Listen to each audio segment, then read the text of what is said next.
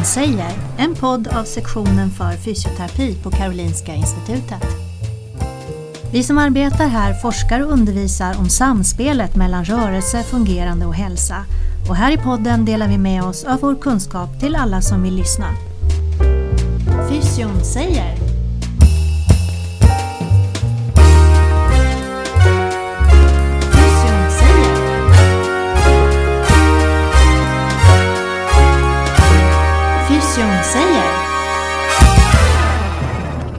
Ja, välkommen till Fysion säger. Mitt namn är Wim Genoten och jag jobbar på neurobiologi, vårdvetenskap och samhälle. Och idag i podden har vi två stycken gäster. Den första är Maria Hagströmer som är professor här vid institutionen. Och den andra gästen är Ann-Marie Dorn som är forskare vid Karolinska institutet. Välkommen hit allihopa. Vi börjar med Maria. Tack så mycket. Ja, Maria, kan du berätta lite vad du jobbar med? Jag jobbar både som forskare och som lärare och sen med en del administration som man gör inom akademin också. Så min forskning rör fysisk aktivitet och hälsa, undervisar på både för fysioterapeutstudenter och eh, på mera avancerad nivå och har en forskargrupp. Mm. Och massor med doktorander också. Några. Några stycken. Ja. Och en av dina gamla doktorander sitter här också, Inge-Marie Dorn. Du har varit doktorand hos Maria. Ja, det har jag varit och numera är jag forskare här på sektionen.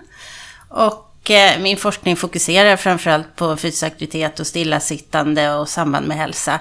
Eh, och många av studierna som jag har gjort är också på äldre personer. Just det.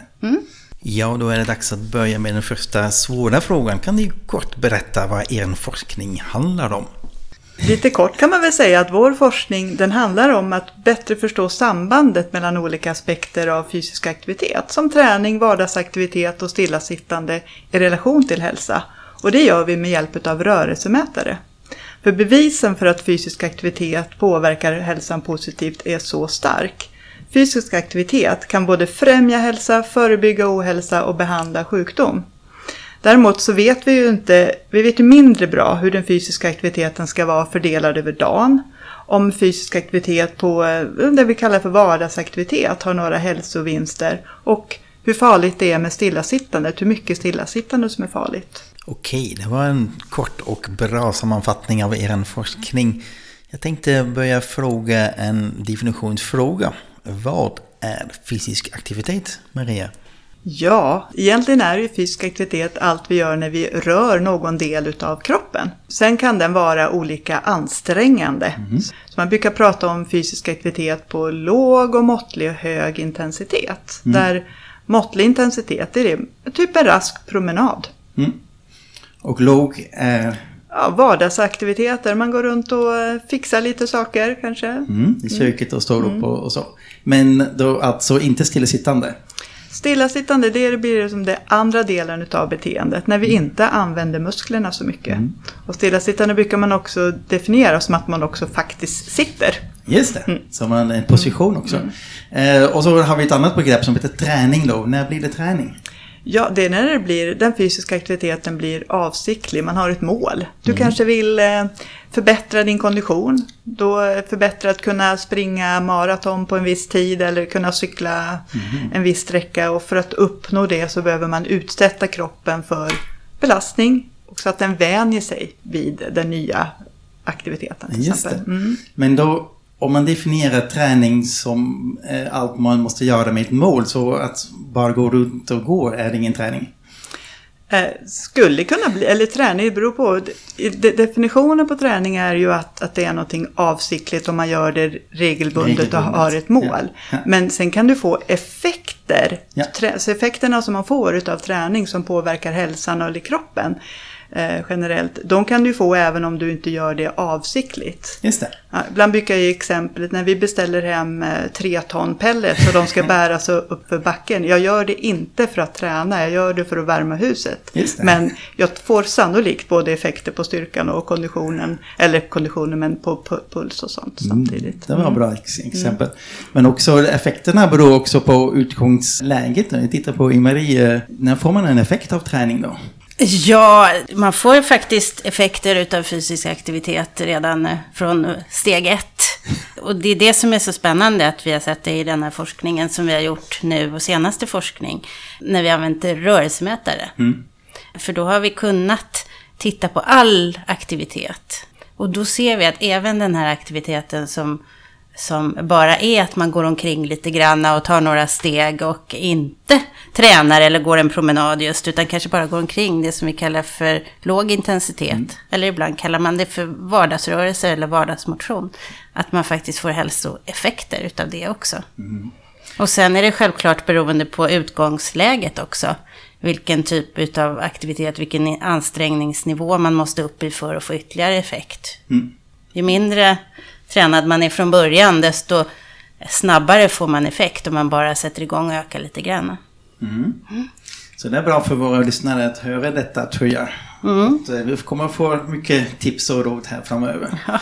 Vi ska börja. Vi, du nämner rörelsemätare. Mm. Vad är det för någonting? Ja, det är, är små Eh, de är ungefär i storlek som en eh, stegräknare. Mm. Som man kan ha eh, runt midjan eller eh, runt handleden eller sätta fast den på låret. Och de här är ett sätt då som vi kan få information om all rörelse som man gör under dagen. Mm. Och de kan mäta både, de som man har på låret kan mäta kroppsposition.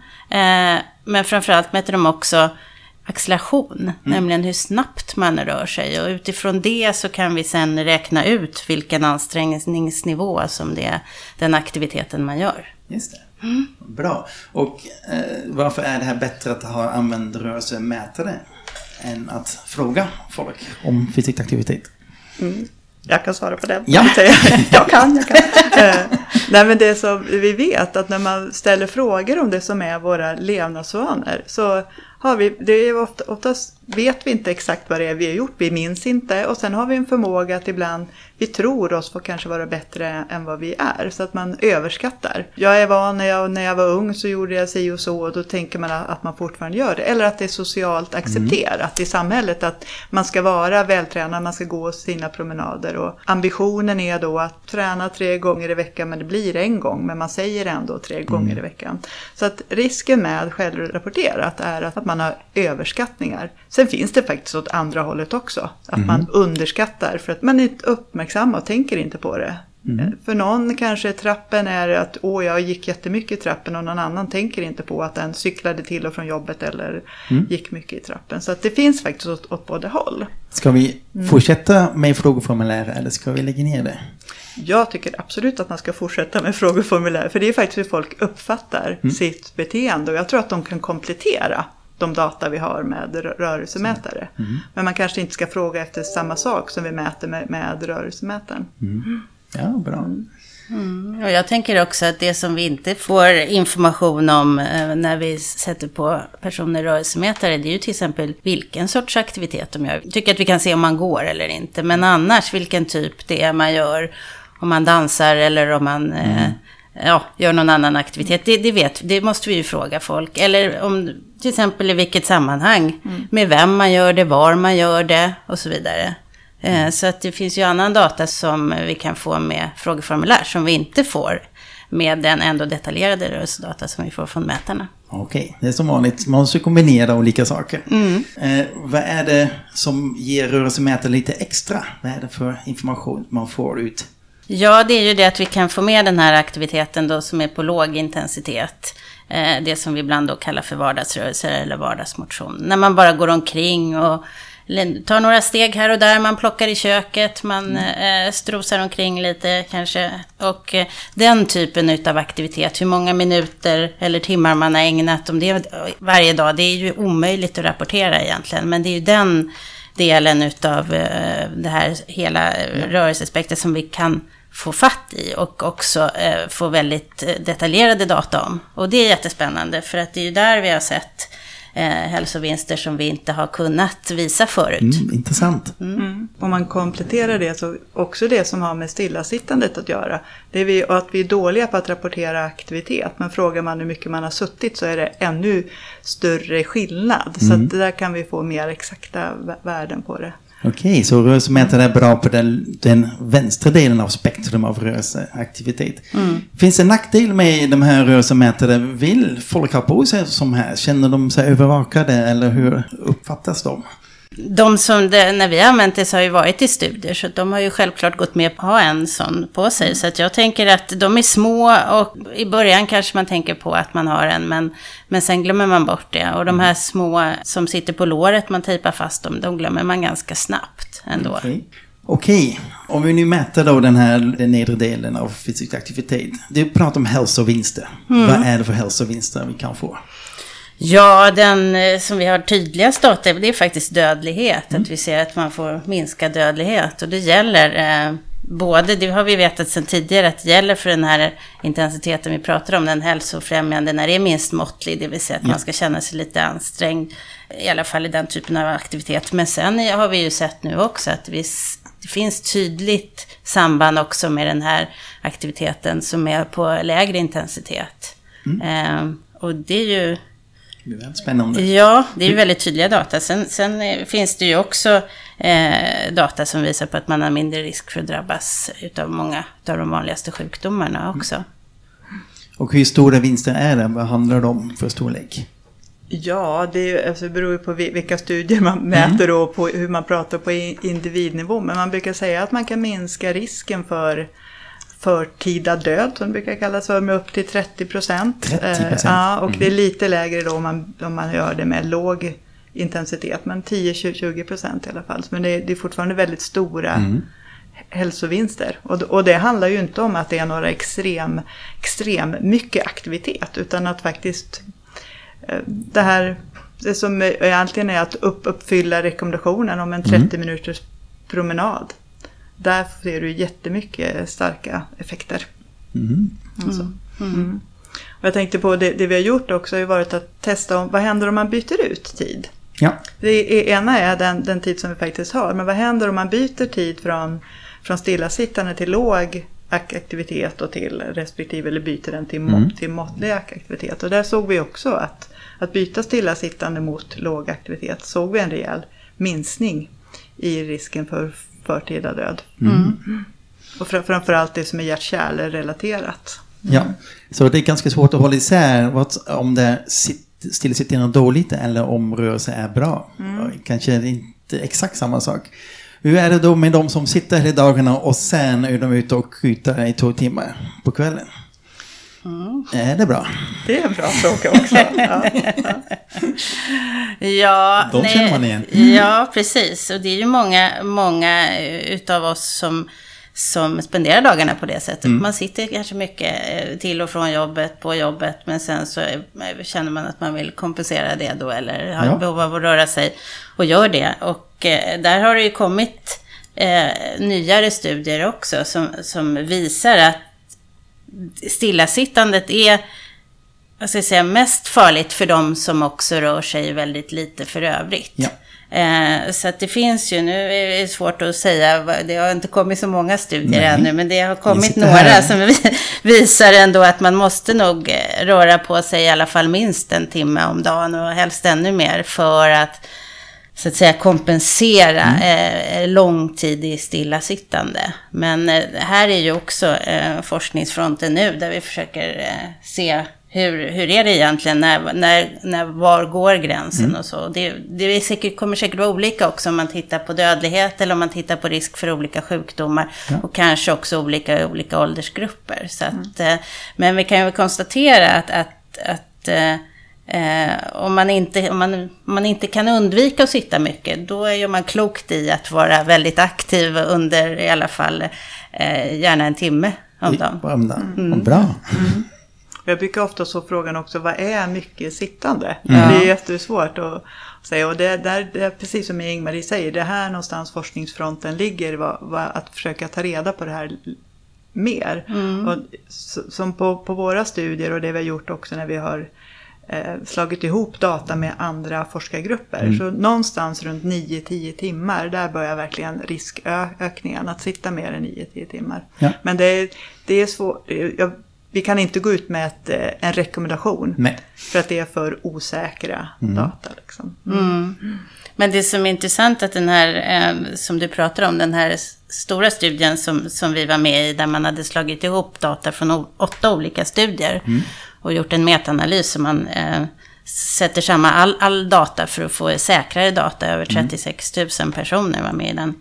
Eh, där, det var där man såg att någonstans där mellan 9 och 10 timmar så, så sågs den största risken. Och när vi tittar på våra data på vår svenska studie Ja. som vi har, där är det ju en tredjedel utav de som har varit med i den, som är ett snitt utav den svenska befolkningen som sitter så pass mycket. Mm. Otroligt.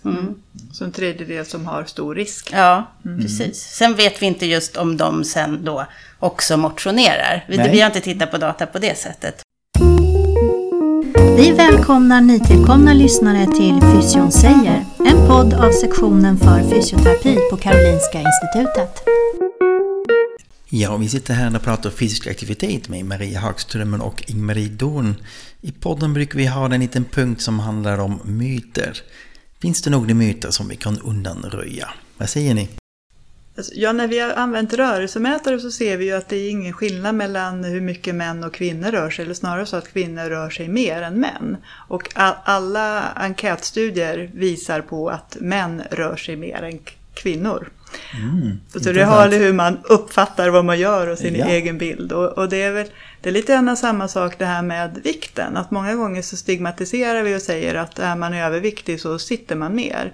Men vi har, har i våra studier sitt sett, åtminstone upp, upp till att man har ett BMI på 30, 30 35 så är det ingen skillnad i vikten i relation till hur mycket man sitter till exempel. Mm, vilket också är en del, om det är en myt eller inte, men det är, Mm, det är bra. många gånger så Osanningar. Osanningar kanske. Ja. Ja. Vad kul. Och sen vet jag inte, det är ju inte egentligen en myt, utan det är väl kanske snarare eh, en utveckling av den kunskap vi har fått. Att förut så räknade vi bara med det som var minst 10 minuter i taget, att det var de Ja. minuterna man fick räkna, så att säga.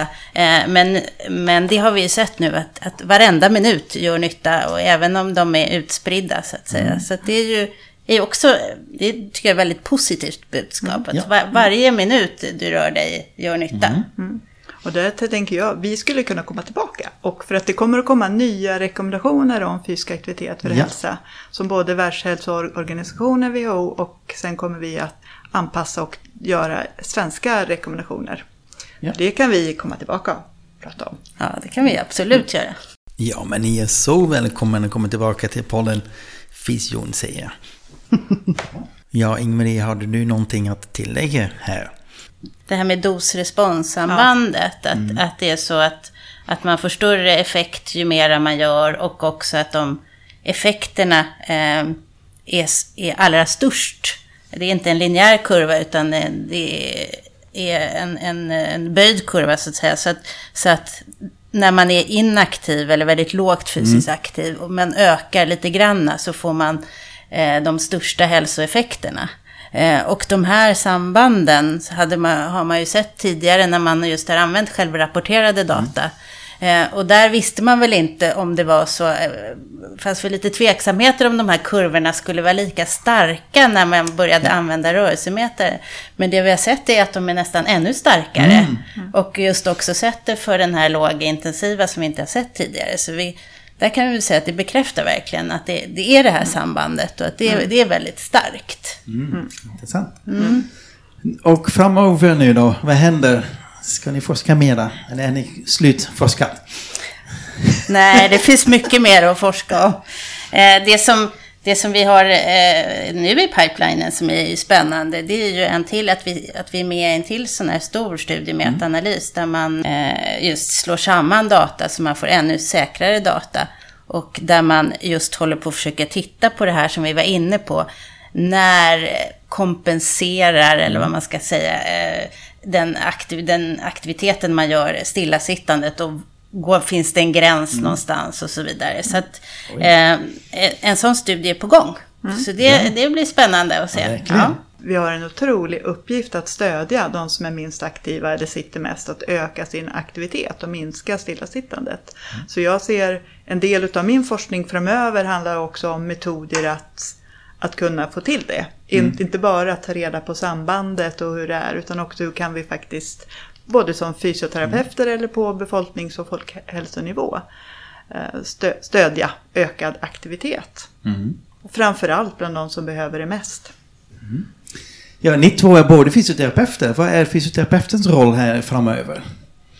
Ja, alltså jag tycker ju att fysioterapeuterna har en självklar roll när det gäller fysisk aktivitet. Vi borde ju egentligen gå i bräschen för det i alla sammanhang. Mm. Eh, och vi har ju också en väldigt viktig uppgift att stödja personer som kan ha svårt att på egen hand komma igång eller som behöver mm. ha hjälp med hur de ska anpassa sin aktivitet för att kunna, med, om, om man har sjukdomar eller funktionshinder och ska tillbaks till rehabilitering eh, också så man klarar att komma upp i en mm. nivå som också är bra för hälsan. Så att, eh, jag tycker att vi, vi, har en otroligt viktig roll i det mm. här och vi har ju också metoder. Vi har fysisk aktivitet på recept. Ja. Jag tycker att det borde verkligen fysioterapeuter känna att man tar till sig som en metod som är självklar att använda. Sen behöver vi utveckla både kanske den metoden och även andra sätt att arbeta och se hur kan vi stötta till beteendeförändring och så. Men vi, vi har ju unika möjligheter just i och med att vi har kunskap om hur man överbryggar så att säga, de svårigheter som kan vara med, med olika funktionshinder eller sjukdomar. Mm. Mm. Jag, jag tänker där att fysioterapeuter möter ju verkligen de som har de största behoven. Ja. Och därför har vi liksom en jätteviktig roll i mm. att kunna stötta. Sen att, att, få de som tränar mycket att träna mer, det kan någon annan hålla på Men vi, vår uppgift blir verkligen en, det är en folkhälsoinsats. Så, eh, om man pratar om metoder för att stödja fysisk aktivitet framöver, förutom för, så handlar det ju om det här anpassat till den nya digitala utvecklingen. Ja. Du, du frågade i början hur, hur aktiva är och hur bra är de här aktivitetsarmbanden mm. etc. och sånt. Och hur, hur kan, kan de användas eller på olika sätt få till. Just. Så det behövs både mer forskning men också vi som fysioterapeuter anamma hur vi kan använda e-hälsa till exempel. Mm. Mm. Mm. Och eh, en del i podden brukar vi handlar om utbildning. Hur kan man lära sig mer om detta område om man vill plugga vidare? Mm. Om man vill känna att nej men det där är intressant och ja, det saknas kunskap. Vad gör man då? Ja, man kan ju antingen läsa till fysioterapeut, det är ja. väldigt trevligt. Ja. Och sen har vi en fristående kurs som heter Fysisk aktivitet i sjukdomsprevention och sjukdomsbehandling. Yes. Som precis tar upp de här delarna. Både hur ser sambanden ut och vad kan, vad kan vi göra för att stödja den här ökade fysiska mm. aktiviteten. Mm. Och den är till färdiga fysioterapeuter? Nej, den är inte professionell. Så okay. den kan alla som har en legitimation söka. Bra! Mm. Mm. Och sen finns det ju en till fristående kurs som tar upp lite mer alla eh, fyra levnadsvanorna. Mm. Fysisk aktivitet är en. Mm. För det är ju viktigt också att vi är en del i hela det här levnadsvanearbetet och att vi också jobbar tillsammans med andra professioner. Mm. För att det är ju då vi kan göra allra störst nytta, tänker jag också, mm. när vi jobbar tillsammans. Mm. Både Ingmarie och jag är ju redaktörer för en bok som heter FYSS, mm. Fysisk aktivitet i sjukdomsprevention och sjukdomsbehandling. Och det är ju också om man pratar om utbildning, den är lite som en lärobok. Mm. Kring både, man har en del ett som bygger upp hur ser det, vad är det med definitioner och rekommendationer i allmänhet etc. Och sen en del två som tar upp specifikt fysisk aktivitet vid olika sjukdomar. Mm. Hur mycket är, behövs och vad kan man påverka? Just med den. Mm. Och den är då riktad till allmänheten eller till läkare eller till? Den är i första hand riktad till hälso och sjukvårdspersonal men ja. den är absolut för utbildning av eh, blivande hälso och sjukvårdspersonal men även hälsopedagoger mm. eh, som, som behöver stöd i sitt arbete. Mm. Okay, Kunskapsbank mm. där. Ja, och, och det kommer vi... en ny funktion va, snart? Ja, det kommer en ny version eh, som vi håller på att jobba på och eh, uppdaterar och även kommer med lite, lite nyheter blir det. Mm. Eh, som, ja, vi får se den vi jobbar på under året här ska vi väl säga. Vi lovar ingenting bestämt. Men den är på gång, så det är jättekul och vi vet ju att den är används också i hälso och sjukvården utav personer, till exempel när man ska skriva ett FAR. Så, och, och slå i och se vad, vilken typ av aktivitet och vilken dos man ska ha. Så. det- Men det finns också en, du frågade om det riktar sig till allmänheten, det finns ju en populär version utav fysen också som heter fysisk aktivitet som medicin. Och den riktar sig mera till en allmänhet eller intresserade personer som inte eh, jobbar inom hälso och sjukvården men kanske ledare i föreningar det. och de personliga tränare, lite mer för den publiken så att säga. Och Så det finns på engelska också va? på engelska håller vi på att jobba nu med eh, en översättning och förkortad version utav fysen. Vi är engagerade via eh, YFA, Yrkesföreningen för fysisk aktivitet, tillsammans med Folkhälsomyndigheten i ett EU-projekt. Där man då har faktiskt valt ut den svenska metoden FAR och att vi har den här be- beslutsstödet FYS eh, som best practice i Europa. Oj, spännande. Ja, så Ja. där är det åtta, nio, åtta, nio andra länder som är med eh, nu i det här projektet där vi jobbar med att sprida vår kunskap från Sverige i Europa. Så det är jättekul också. Bra, då tror jag att vi börjar närma oss en avslutning så ni får chansen att säga. Mikrofonen är öppen. Maria? Åh, nej men det, ja, precis. Ja, ja, men jag tänker nog att jag ändå passa på att lyfta att all form av rörelse kan påverka din hälsa positivt. Ja, Du blir piggare, starkare och minnet kan förbättras. Och dessutom så sover man bättre. Mm. Så sitt mindre, rör dig mer och rör dig mer ofta. Det där har man hört tidigare. Ja, Tack så hemskt mycket att ni var här Maria och Ingmarie. Ja, tack själv. Tack, att, vi fick komma. Sa de i kanon. Ja, det lät perfekt inövat. Ingmarie Dorn och Maria Hagströmer. Ni som lyssnar på denna podd, se till att ni prenumererar på denna podd så att ni inte missar nästa avsnitt som kommer om två veckor cirka. Ha det så bra! Du har lyssnat till podden Fysion säger, en podd som sänds från sektionen för fysioterapi på Karolinska Institutet. Fysion säger